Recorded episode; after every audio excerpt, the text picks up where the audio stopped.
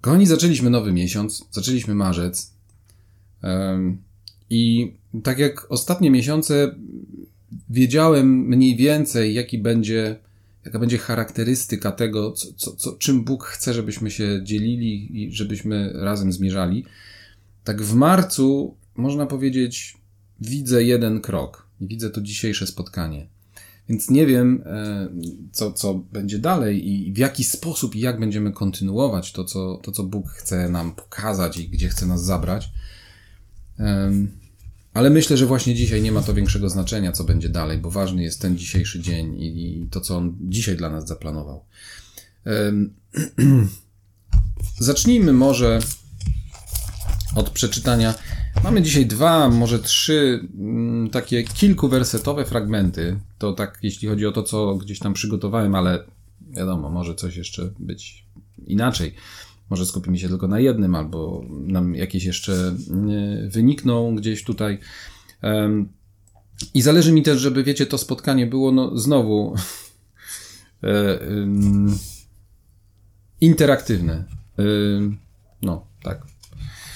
Więc, więc jeżeli, wiecie, ktoś ma jakiś jeszcze inny werset, albo który jakoś to ilustruje, to nawet jeżeli w trakcie się od razu do tego nie odniosę, bo może nie, nie, nie być za bardzo jakiś klimat czy coś, to, to piszcie, to wrzucajcie, bo pamiętajcie, że to zostaje i to, to jest coś, co potem jak się to ktoś odtwarza, to te komentarze się pojawiają adekwatnie też w tym miejscu, jakby dynamicznie, więc, e, więc wiecie, no po prostu ktoś może e, my teraz, a może ktoś, kto będzie to w przyszłości oglądał, może z tego skorzystać. Więc jeżeli wam się pojawiają jakieś jeszcze myśli, wersety i tak dalej, to po prostu do, dorzucajcie, czy komentarz.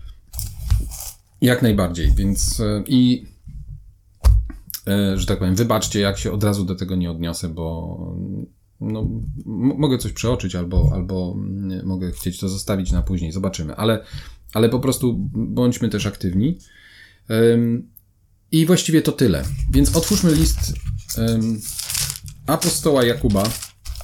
On jest w Nowym Testamencie tam dalej, tak za Hebrajczykami, e, a przed między Hebrajczykami a Piotrem. E, I i przeczytajmy początek tego, tego listu, czyli początek pierwszego rozdziału mm, do ósmego wersetu. E, I pisze sobie Jakub tutaj tak. Jakub, sługa Boga i Pana Jezusa Chrystusa, przesyła pozdrowienia dwunastu pokoleniom, które są w rozproszeniu. Poczytujcie to sobie za największą radość, moi bracia, gdy rozmaite próby przechodzicie, wiedząc, że doświadczenie waszej wiary wyrabia cierpliwość. Cierpliwość zaś niech dopełni swego dzieła, abyście byli doskonali i zupełni, nie mający żadnych braków. A jeśli komuś z Was brakuje mądrości, niech prosi Boga, który daje wszystkim obficie i bez, bez wypominania, a będzie mu dana. Ale niech prosi z wiarą, bez powątpiewania. Kto bowiem wątpi, podobny jest do fali morskiej, pędzonej przez wiatr i miotanej tu i tam. Człowiek taki niech nie myśli, że coś otrzyma od Pana. Człowiek umysłu dwoistego jest niestały we wszystkich swoich drogach. Kropka. Tu jest koniec tej myśli, tej pierwszej myśli, o którą chodziło Jakubowi. Um, I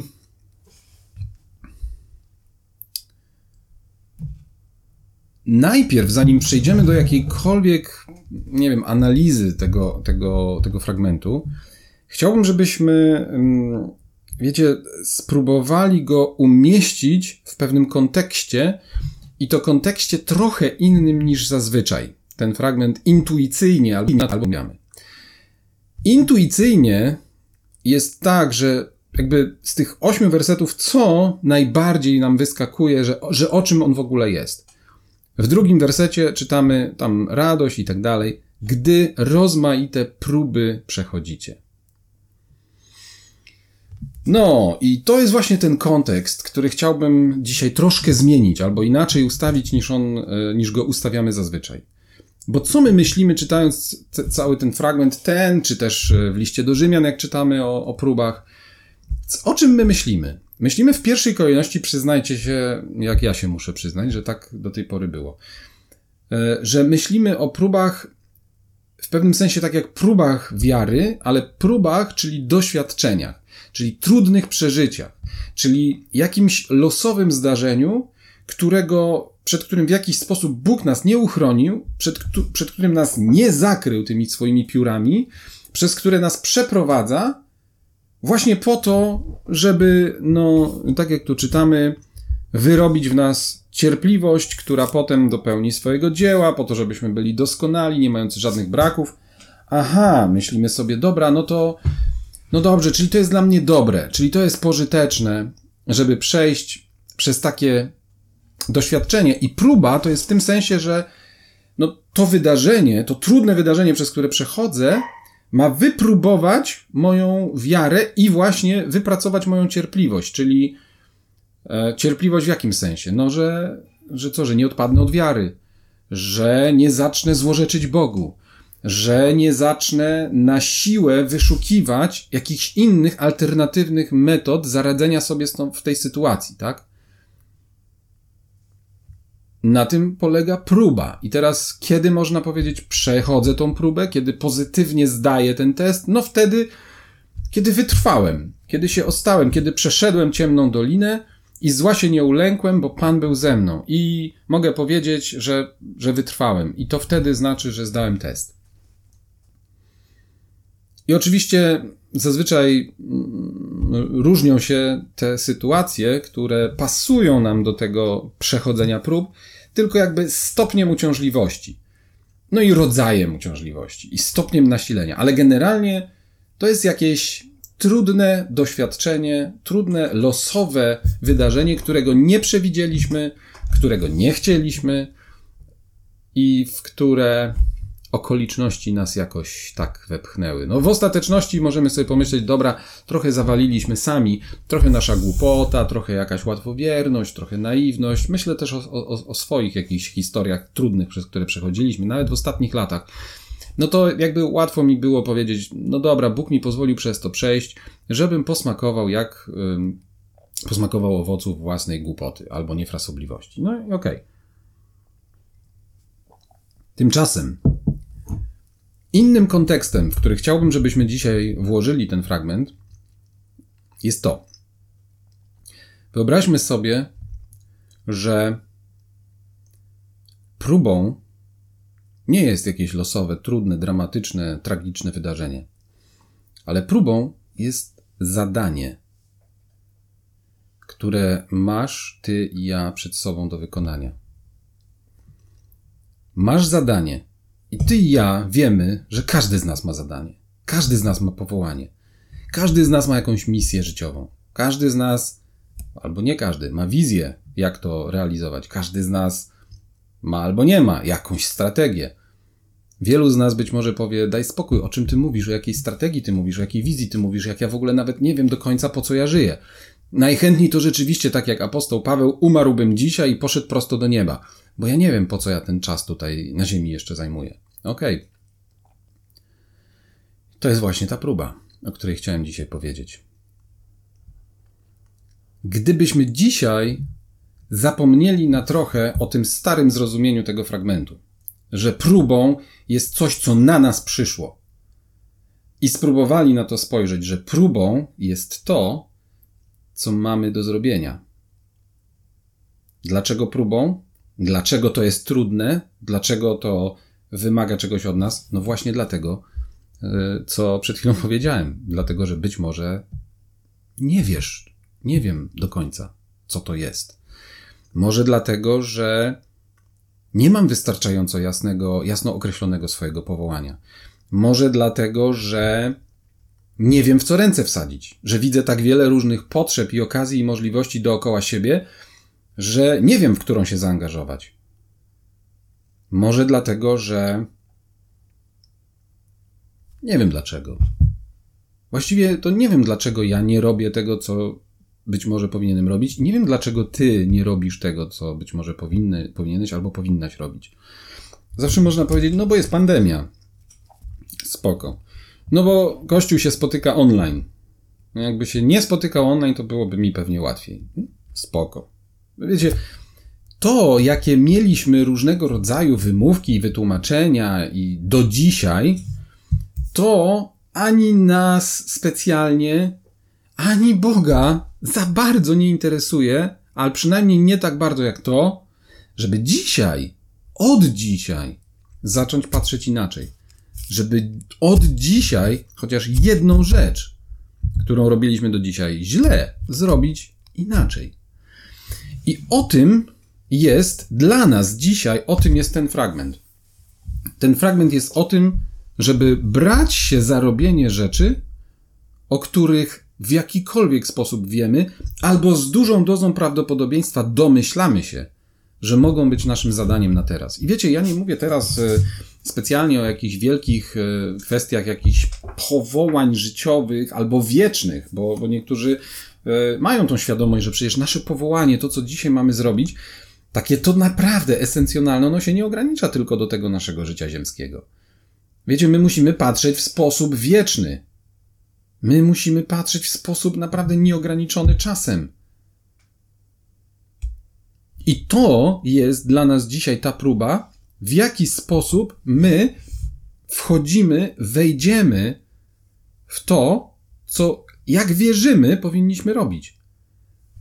Próbą być może właśnie będzie wiara, utrzymanie wiarą tego, co odkryliśmy, że jest naszym zadaniem.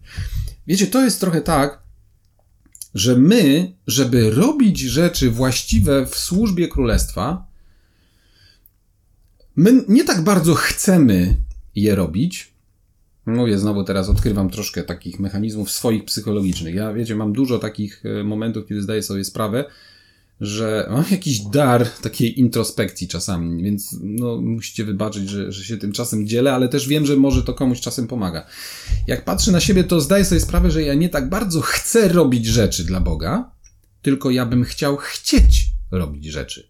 Ja bym chciał poczuć ten dreszczyk, ten jakiś rodzaj emocjonalnego zaangażowania, jakiś ogień w sobie, jakiś power do tego, żeby te pragnienia emocjonalne zapaliły mój umysł, decyzje, ciało, żeby dodały mi sił i energii, po to, czyli żeby krótko mówiąc, on coś zrobił w moim sercu, żeby mi się zachciało, żebym odpalił po prostu jak w jakimś bloku startowym, nie patrząc na nic.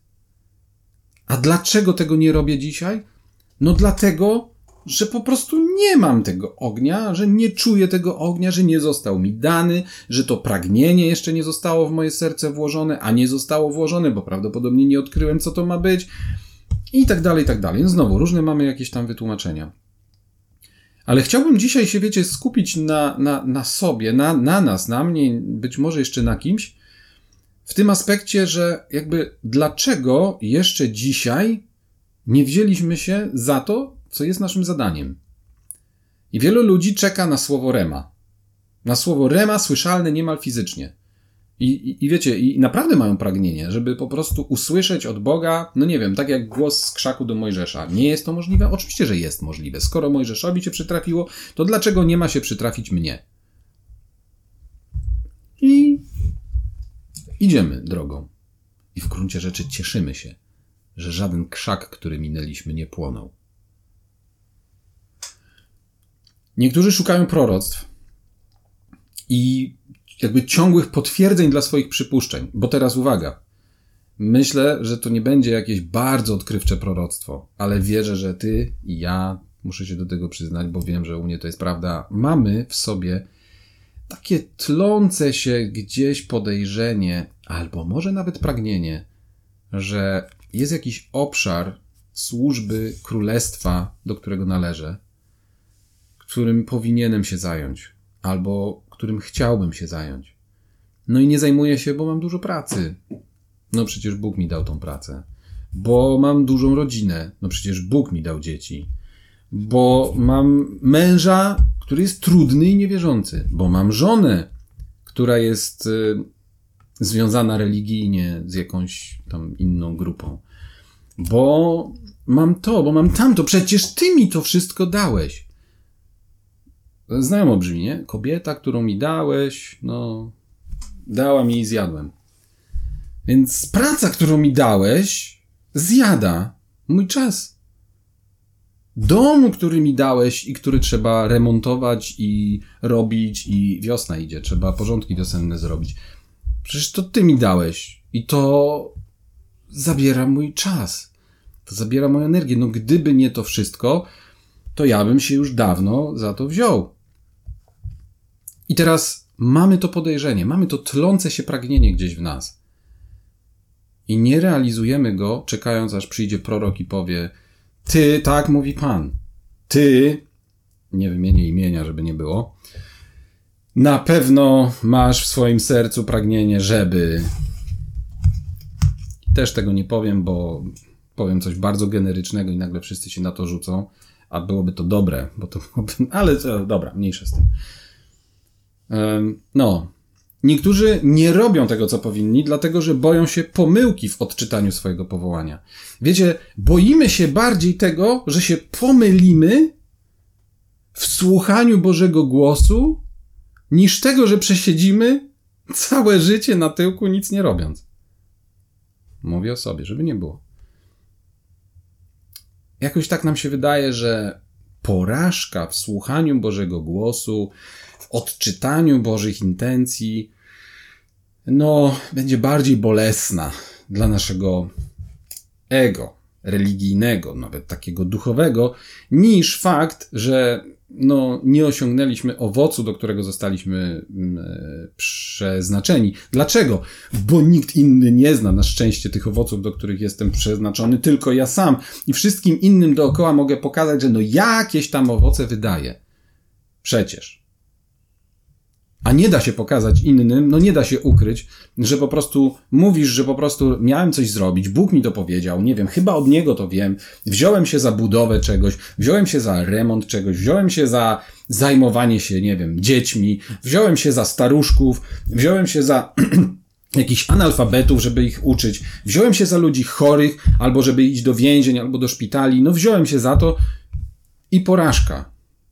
I wtedy co jak powiesz, no, no po prostu, no Bóg mi to powiedział. No nikt normalny takich rzeczy nie robi, więc trzeba takie rzeczy robić, tłumacząc się Bożym prowadzeniem. I jak tam się wydarzy porażka, to ona wtedy boli. I tego bólu się boimy bardziej niż braku owoców w naszym życiu. Powiem tak, bracia i siostry, tak być nie może. Czego się jeszcze boimy? Na przykład tego, że czy, dlaczego nie, nie robimy tego, co powinniśmy? Na przykład dlatego, że myślimy, że e, inni słudzy Boży, którzy robią i my widzimy, że robią to, co powinni robić, do czego są powołani, no oni mieli spotkanie przynajmniej z aniołem Gabrielem. No przynajmniej. Bo właśnie, nikt inny by takich rzeczy nie robił. Więc zanim zaczęli, musiał do nich przyjść anioł i po prostu przemówić i no, no, to, no to ja chyba też mam prawo tego samego oczekiwać. E, no i wreszcie taka naprawdę banalna rzecz. No, no niektórzy nie robią dlatego, że boją się konieczności przewartościowania swojego życia. I boją się wzięcia krzyża, bo myślą, że ten ich krzyż będzie dla nich za trudny. Bo myślą, że rozmawialiśmy o tym niedawno u nas i rozmawialiśmy o tym dzisiaj właśnie na tym spotkaniu o, mm, o dziewiątej, na, na Clubhouse, właśnie o tym, znowu o tym noszeniu krzyża.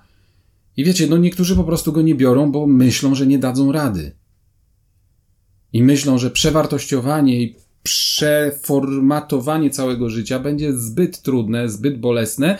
Ono będzie zbyt dużym, dużą rewolucją, żeby móc to zrobić w oparciu tylko o jakieś takie delikatne wrażenie, które gdzieś mam w głowie. I znowu nic z tym nie robimy. Myślę, że do, dosyć już tych wątków, e, dlaczego niektórzy, dlaczego my nie, nie, nie wchodzimy w to, co mieliśmy, powinniśmy zrobić, albo w to, co mieliśmy robić. E, myślę, że czas na drugi fragment, w którym tym razem apostoł Paweł może troszkę nam coś e, wyjaśni i popchnie nas we właściwą stronę. Otwórzmy Pierwszy jego list, y, nie pierwszy chronologicznie, ale pierwszy zaraz po dziejach apostolskich, czyli list do Rzymian. I w liście do Rzymian, mm, Kiedyś mieliśmy takie studium przez kilka tygodni całego listu do Rzymian i pamiętam, jak e, bardzo dla mnie odkrywczy był rozdział 12. No i właśnie z 12 rozdziału, e, pierwszych kilka wersetów, w których Paweł mówi tak. Proszę więc was, bracia, przez miłosierdzie Boże, abyście składali wasze ciała jako ofiarę żywą, świętą, przyjemną Bogu. To jest wasza rozumna służba. A nie dostosowujcie się do tego świata, ale przemieńcie się przez odnowienie waszego umysłu, abyście mogli rozeznać, co jest dobrą, przyjemną i doskonałą wolą Boga. Mówię bowiem przez łaskę, która mi jest dana każdemu, kto jest wśród was, aby nie myślał o sobie więcej niż należy, ale żeby myślał o sobie skromnie, stosownie do miary wiary, jakiej Bóg każdemu udzielił. Jak bowiem w jednym ciele mamy wiele członków, ale nie wszystkie członki wykonują tę samą czynność, tak my, chociaż liczni, jesteśmy jednym ciałem w Chrystusie, ale z osobna jesteśmy członkami jedni drugich. Mamy więc różne dary według łaski, która jest nam dana. Jeśli ktoś ma dar prorokowania, niech go używa stosownie do miary wiary. Jeśli usługiwania, niech usługuje. Jeśli ktoś naucza, niech trwa w nauczaniu. Jeśli ktoś napomina, to w napominaniu. Jeśli ktoś rozdaje, to w szczerości. Jeśli ktoś jest przełożonym, niech nim będzie w pilności. Jeśli ktoś okazuje miłosierdzie, niech to czyni ochoczo. I wiecie, już sam ten fragment pokazuje, no przynajmniej siedem znowu innych, można powiedzieć, inny zestaw siedmiu darów. Dary może nie są inne, bo one się gdzieś tam w innych miejscach, szczególnie do Koryntian też, też przewijają, czy, czy w, no w liście do Efezjan, jak tam czytamy o służbach, ale tu, tu czytamy o prorokowaniu, usługiwaniu, nauczaniu, napominaniu, rozdawaniu, e, zarządzaniu i okazywaniu miłosierdzia. Przynajmniej tych siedem. Tu już jest jakieś spore pole do wyboru. Ale mówię o tym oczywiście trochę z przekąsem, bo tu nie chodzi o to, żeby sobie coś stamtąd wybrać, tylko żeby się przyjrzeć sobie, który z tych darów, być może jeszcze jakiś inny, ale tu są, wiecie, tu jest znowu jakiś szeroki zestaw siedmiu, z których większość z nas na pewno przynajmniej jeden posiada i robi albo robiła, albo ro, ro, robił ktoś w życiu coś, co może mu wskazać i udowodnić, że jest obdarowany w tym właśnie obszarze. Ale wiecie, do początku chcę wrócić, szczególnie do drugiego rozdziału. Jak nie wiemy, co robić, to, to Paweł pisze tak: Przemieńcie się przez odnowienie waszego umysłu, abyście mogli rozeznać, co jest dobrą, przyjemną i doskonałą wolą Boga. I często tutaj, y, no, jakby niektórzy kończą, aha, no to dobrze, to ja teraz spoko. Mam teraz przynajmniej 10 lat na odnowienie swojego umysłu. To jest, wiecie, trochę tak, jak niektórzy się cieszą, że przyszła pandemia. To, o, luz, mogę zostać w domu i, i, nie robić tego, co, do czego jestem powołany. Tak samo tutaj, ha, mam teraz czas, bo mogę sobie poodnawiać mój umysł, e, żeby rozeznawać.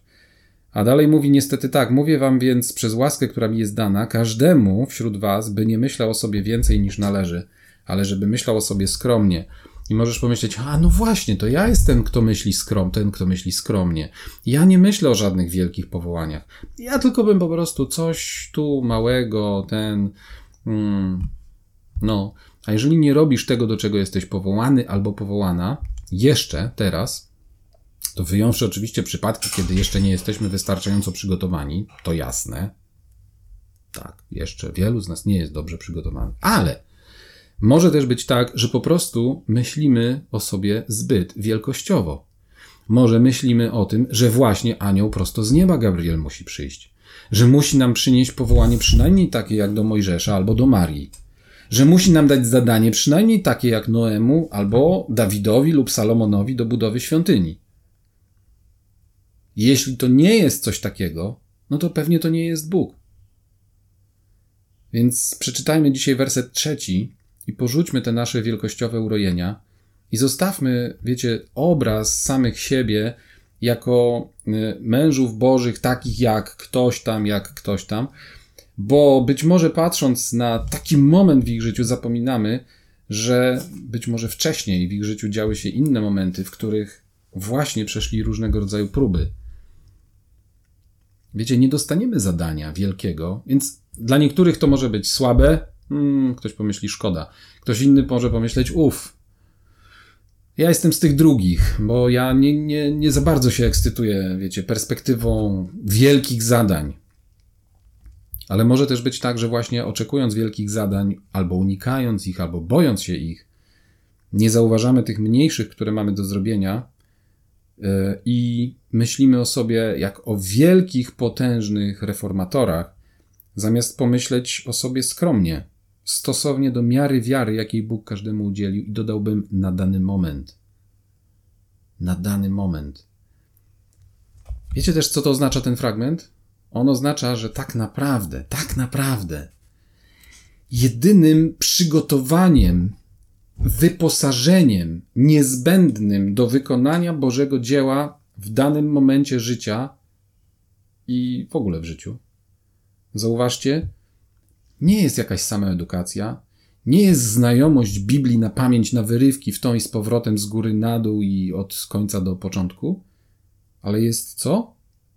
Jest wiara. Żeby myślał o sobie skromnie stosownie do miary wiary, jakiej Bóg każdemu udzielił. I dalej jest e, ta kwestia o ciele, o, o członkach, o współzależności itd., tak itd. Tak no. Ten fragment jeszcze mówi według mnie jedno, coś bardzo, bardzo istotnego. On mówi też o tym, że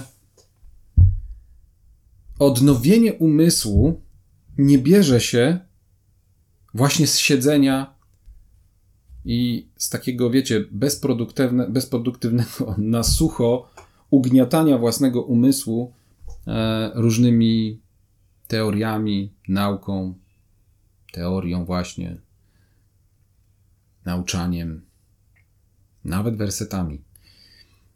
Przemiana umysłu dopiero jest tym, co skutkuje zmianą serca. Wrócę do tego, co na, na samym początku mówiliśmy. My, my, po prostu bardzo długo czekamy na właściwe poruszenie w emocjach. My myślimy, że nasze serce, może komuś trzeba troszeczkę przedefiniować dzisiaj, czym jest serce. My myślimy, że nasze serce to są nasze, to są, to są nasze emocje. I oddzielamy umysł od serca tak, jak się oddziela umysł od emocji. Tymczasem wszystko to to są funkcje duszy. Nasza wola, nasze emocje, nasz rozum, intelekt, pamięć, wyobraźnia, tych pięć.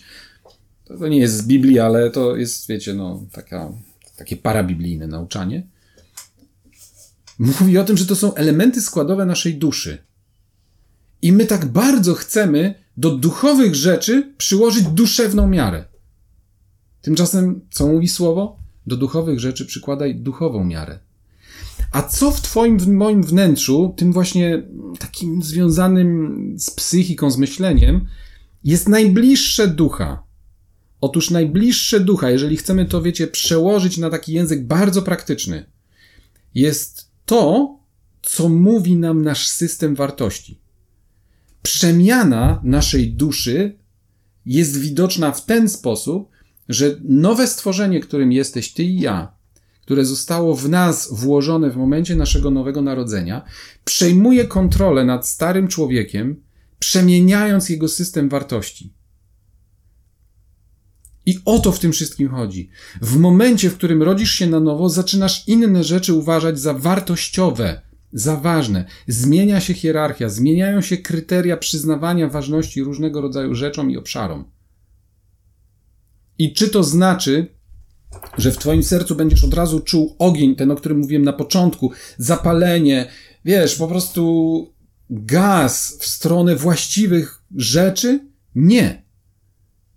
Bo to są funkcje ciała. Duszy jest bliżej do ciała niż do ducha. Dlatego mówi pismo, że nasza dusza jest cały czas zbawiana i celem naszej wiary jest zbawienie duszy. Tej wiary też, o której tutaj Paweł przed chwilą, e, przed chwilą, dawno temu napisał, a teraz czytamy. Ale to serce, o którym my myślimy, że to są tylko jakieś funkcje emocjonalne, tak naprawdę to jest nasz system wartości, który został nam włożony przez nasze nowe stworzenie, zrodzone i stworzone bezpośrednio na obraz i podobieństwo Boga, Od wieków, bo od wieków byliśmy stworzeni, ale w momencie, kiedy w naszym ciele i w naszej duszy powiedzieliśmy mu tak, chcemy do ciebie należeć, on włożył w nas to nowe stworzenie, tą istotę duchową, która teraz rosnąc w nas, przemienia nasz system wartości i w ten sposób odbywa się właśnie to przemienianie umysłu. A jak to się odbywa praktycznie? Przez robienie właściwych rzeczy. Przez przechodzenie prób, o których czytaliśmy u Jakuba. Przez poddawanie się tym próbom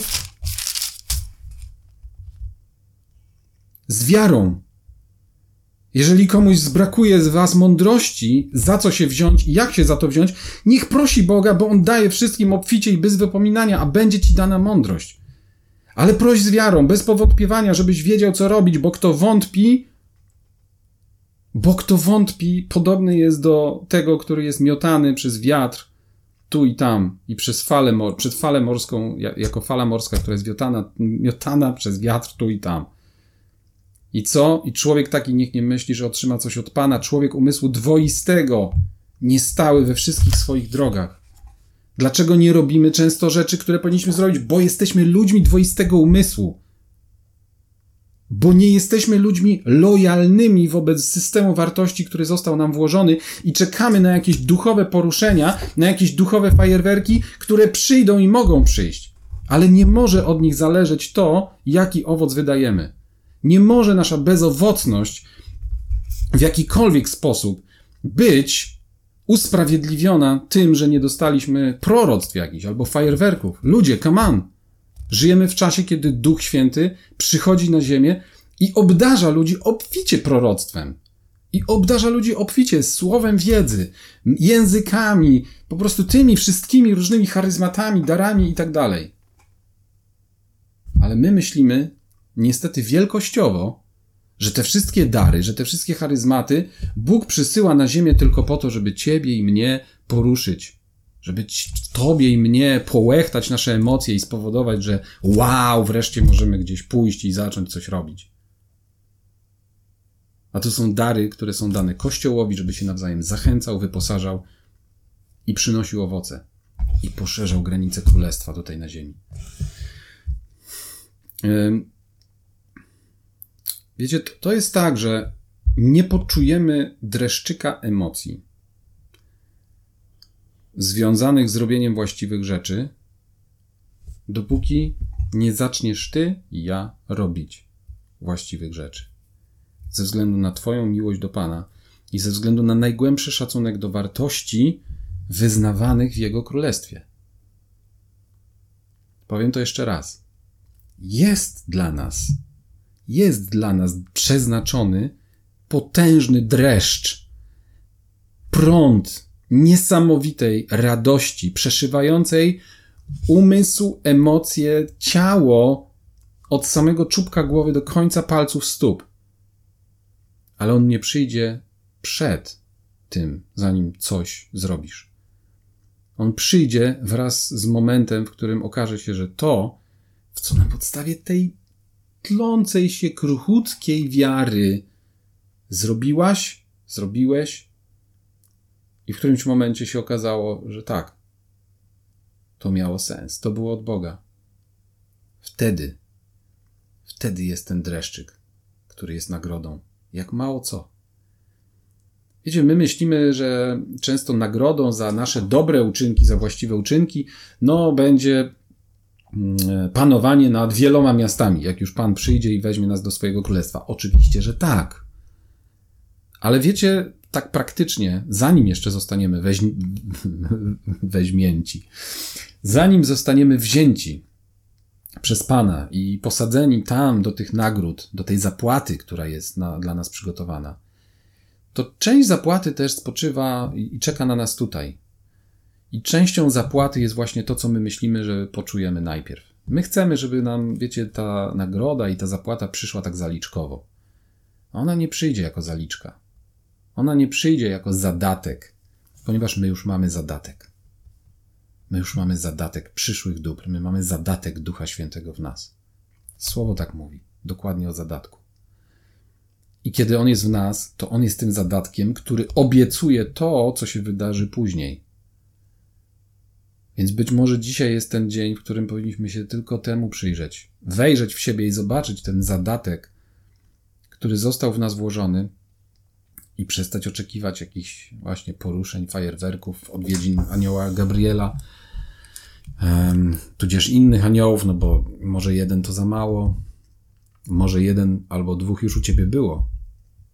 I może nawet jakbyś tak się dobrze i uczciwie zastanowił, to byś był w stanie ich zidentyfikować, no ale czekasz na trzeciego, bo, bo tamto to było dawno, no albo cokolwiek.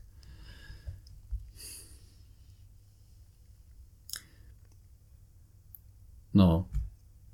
Więc wiecie, z sercem, w sercu nie dzieje się to, co my często myślimy. Właśnie jakaś energia, jakieś takie podrapanie po nerwach, takie ciarki. To się nie dzieje najpierw. To nie jest serce. To jest po prostu dusza. Tam są emocje. Ale to nie jest to serce, o którym Bóg mówi, że chce, żeby ono było nowe, że to jest to nowe serce, które w nas wkłada. To jest to serce mięsiste. To nie jest to serce kamienne, ale to jest to właśnie, które czuje, które bije, które jest miękkie, które jest elastyczne. Jak sobie to czytamy po prostu, tego, wiecie, Jeremiasza na przykład, albo to takie, tak się chętnie tak rozmarzamy. Tymczasem on już to serce w nas włożył. I to serce nie pracuje, nie operuje w wymiarze emocji. To serce operuje w wymiarze wartości królestwa, do którego teraz ty i ja należymy. Ono operuje w wymiarze wartości, dla których jesteś gotów w końcu, często być może pomimo wielu przeszkód, wielu przeszkód gdzieś wewnątrz właśnie swoich emocji, zrobić to, co jest wbrew tym emocjom, co jest wbrew twojej, twojej i mojej wygodzie, co jest wbrew Twojemu i mojemu ciału, i nie po to, żeby się w głupi sposób katować, żeby się umartwiać, samo uszkadzać i praktykować jakiś masochizm na samym sobie. Nie o to w tym wszystkim chodzi. Chodzi o to, żeby te wartości, w które wierzysz, które zostały ci objawione wraz z włożeniem w ciebie i we mnie nowego człowieka, żeby te wartości brały górę nad tymi wartościami, którym służyłeś i które wyznawałeś, wyznawałaś dotychczas żeby te wartości powodowały, że jeżeli nawet będzie coś niewygodne, to ty zdecydujesz się to zrobić. I co? I będziesz widzieć owoc. W najgorszym razie, jak nie zobaczysz owocu od razu, to po prostu pozostanie ci satysfakcja, że próbowałeś, próbowałaś i że bierzesz do serca to, co mówił Jakub zaraz na początku swojego listu. Po prostu przechodzę próby, które mają wyrobić moją cierpliwość. Tak czy inaczej, jesteś zwycięzcą. Tak czy inaczej, jesteś zwycięzcą. Na koniec przeczytajmy fragment. Jedna z osób, które brała udział w ostatniej piątkowej modlitwie, też przeczytała to jako fragment, który gdzieś tam się pojawił też na innym spotkaniu czy na innej modlitwie. Anyway, ale chciałbym, żeby to się jakby rozeszło. Otwórzmy Księgę Kronik pierwszą. Um, także dzięki Artur, że się tym podzieliłeś. Otwórzmy Księgę Kronik, pierwszą Księgę Kronik, końcówka Księgi Kronik pierwszej. E, bo wiecie, to o czym mówimy teraz, ktoś może pomyśleć, no tak, tak, właśnie to jest ten Nowy Testament. Tak, to jest Nowy Testament, ale to jest testament, który też był w Starym bardzo fajnie poruszony i bardzo wyraziście opisany. Co było najważniejsze dla kogoś, kto właśnie obejmował duże i nowe dla siebie zadanie, powołanie. W czasach starożytnego Izraela trudno sobie wyobrazić większe powołanie i większe zadanie, jak bycie królem nad Izraelem. Ktoś może pomyśleć, no nie, no to piękne, to bardzo zaszczytne. Tak, super.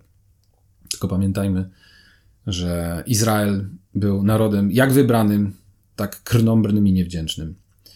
E, I naprawdę nie było to łatwe zadanie. I w związku z tym Dawid, kiedy przekazywał królestwo swojemu synowi Salomonowi, to jest 28 rozdział Księgi Pierwszej Kronik, dziewiąty werset, powiedział do niego tak.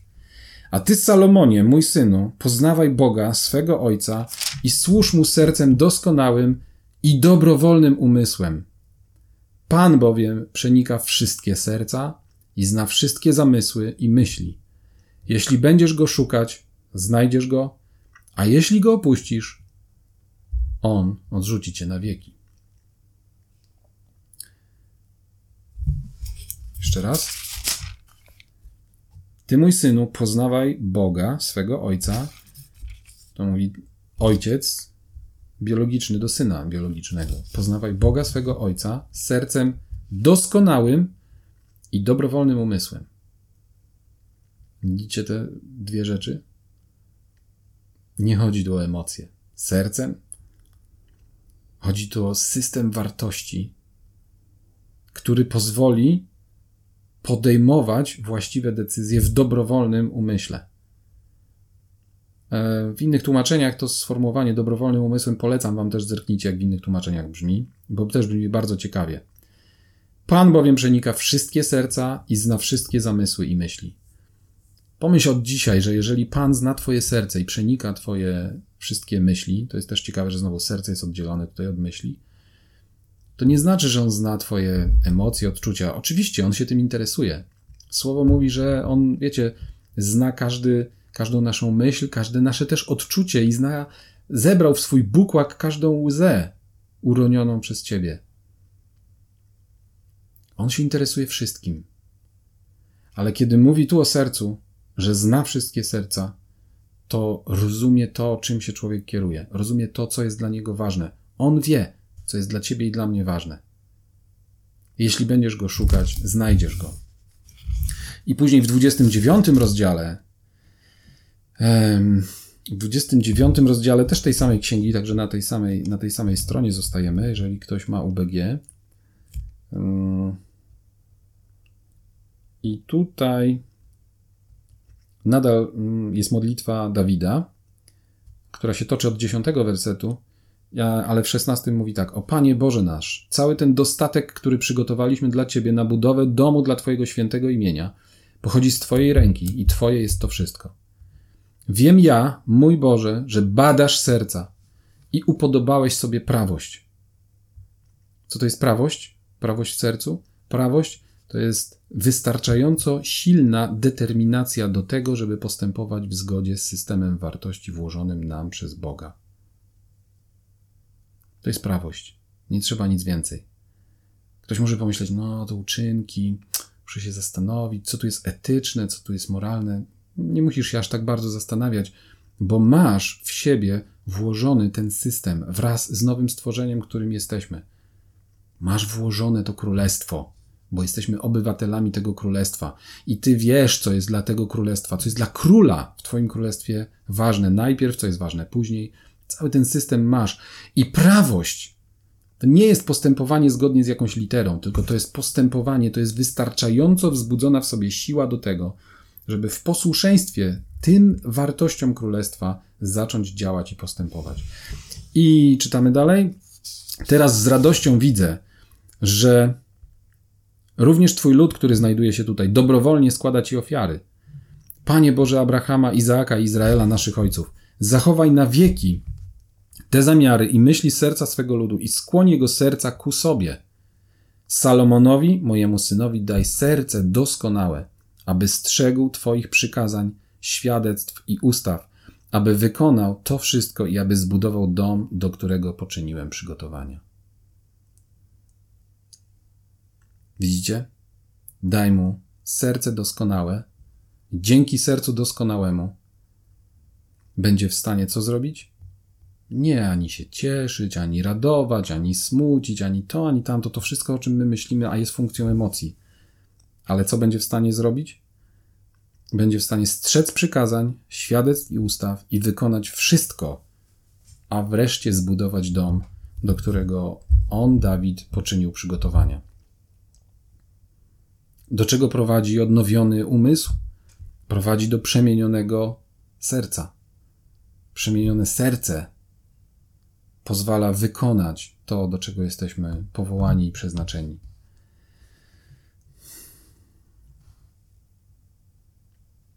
Amen.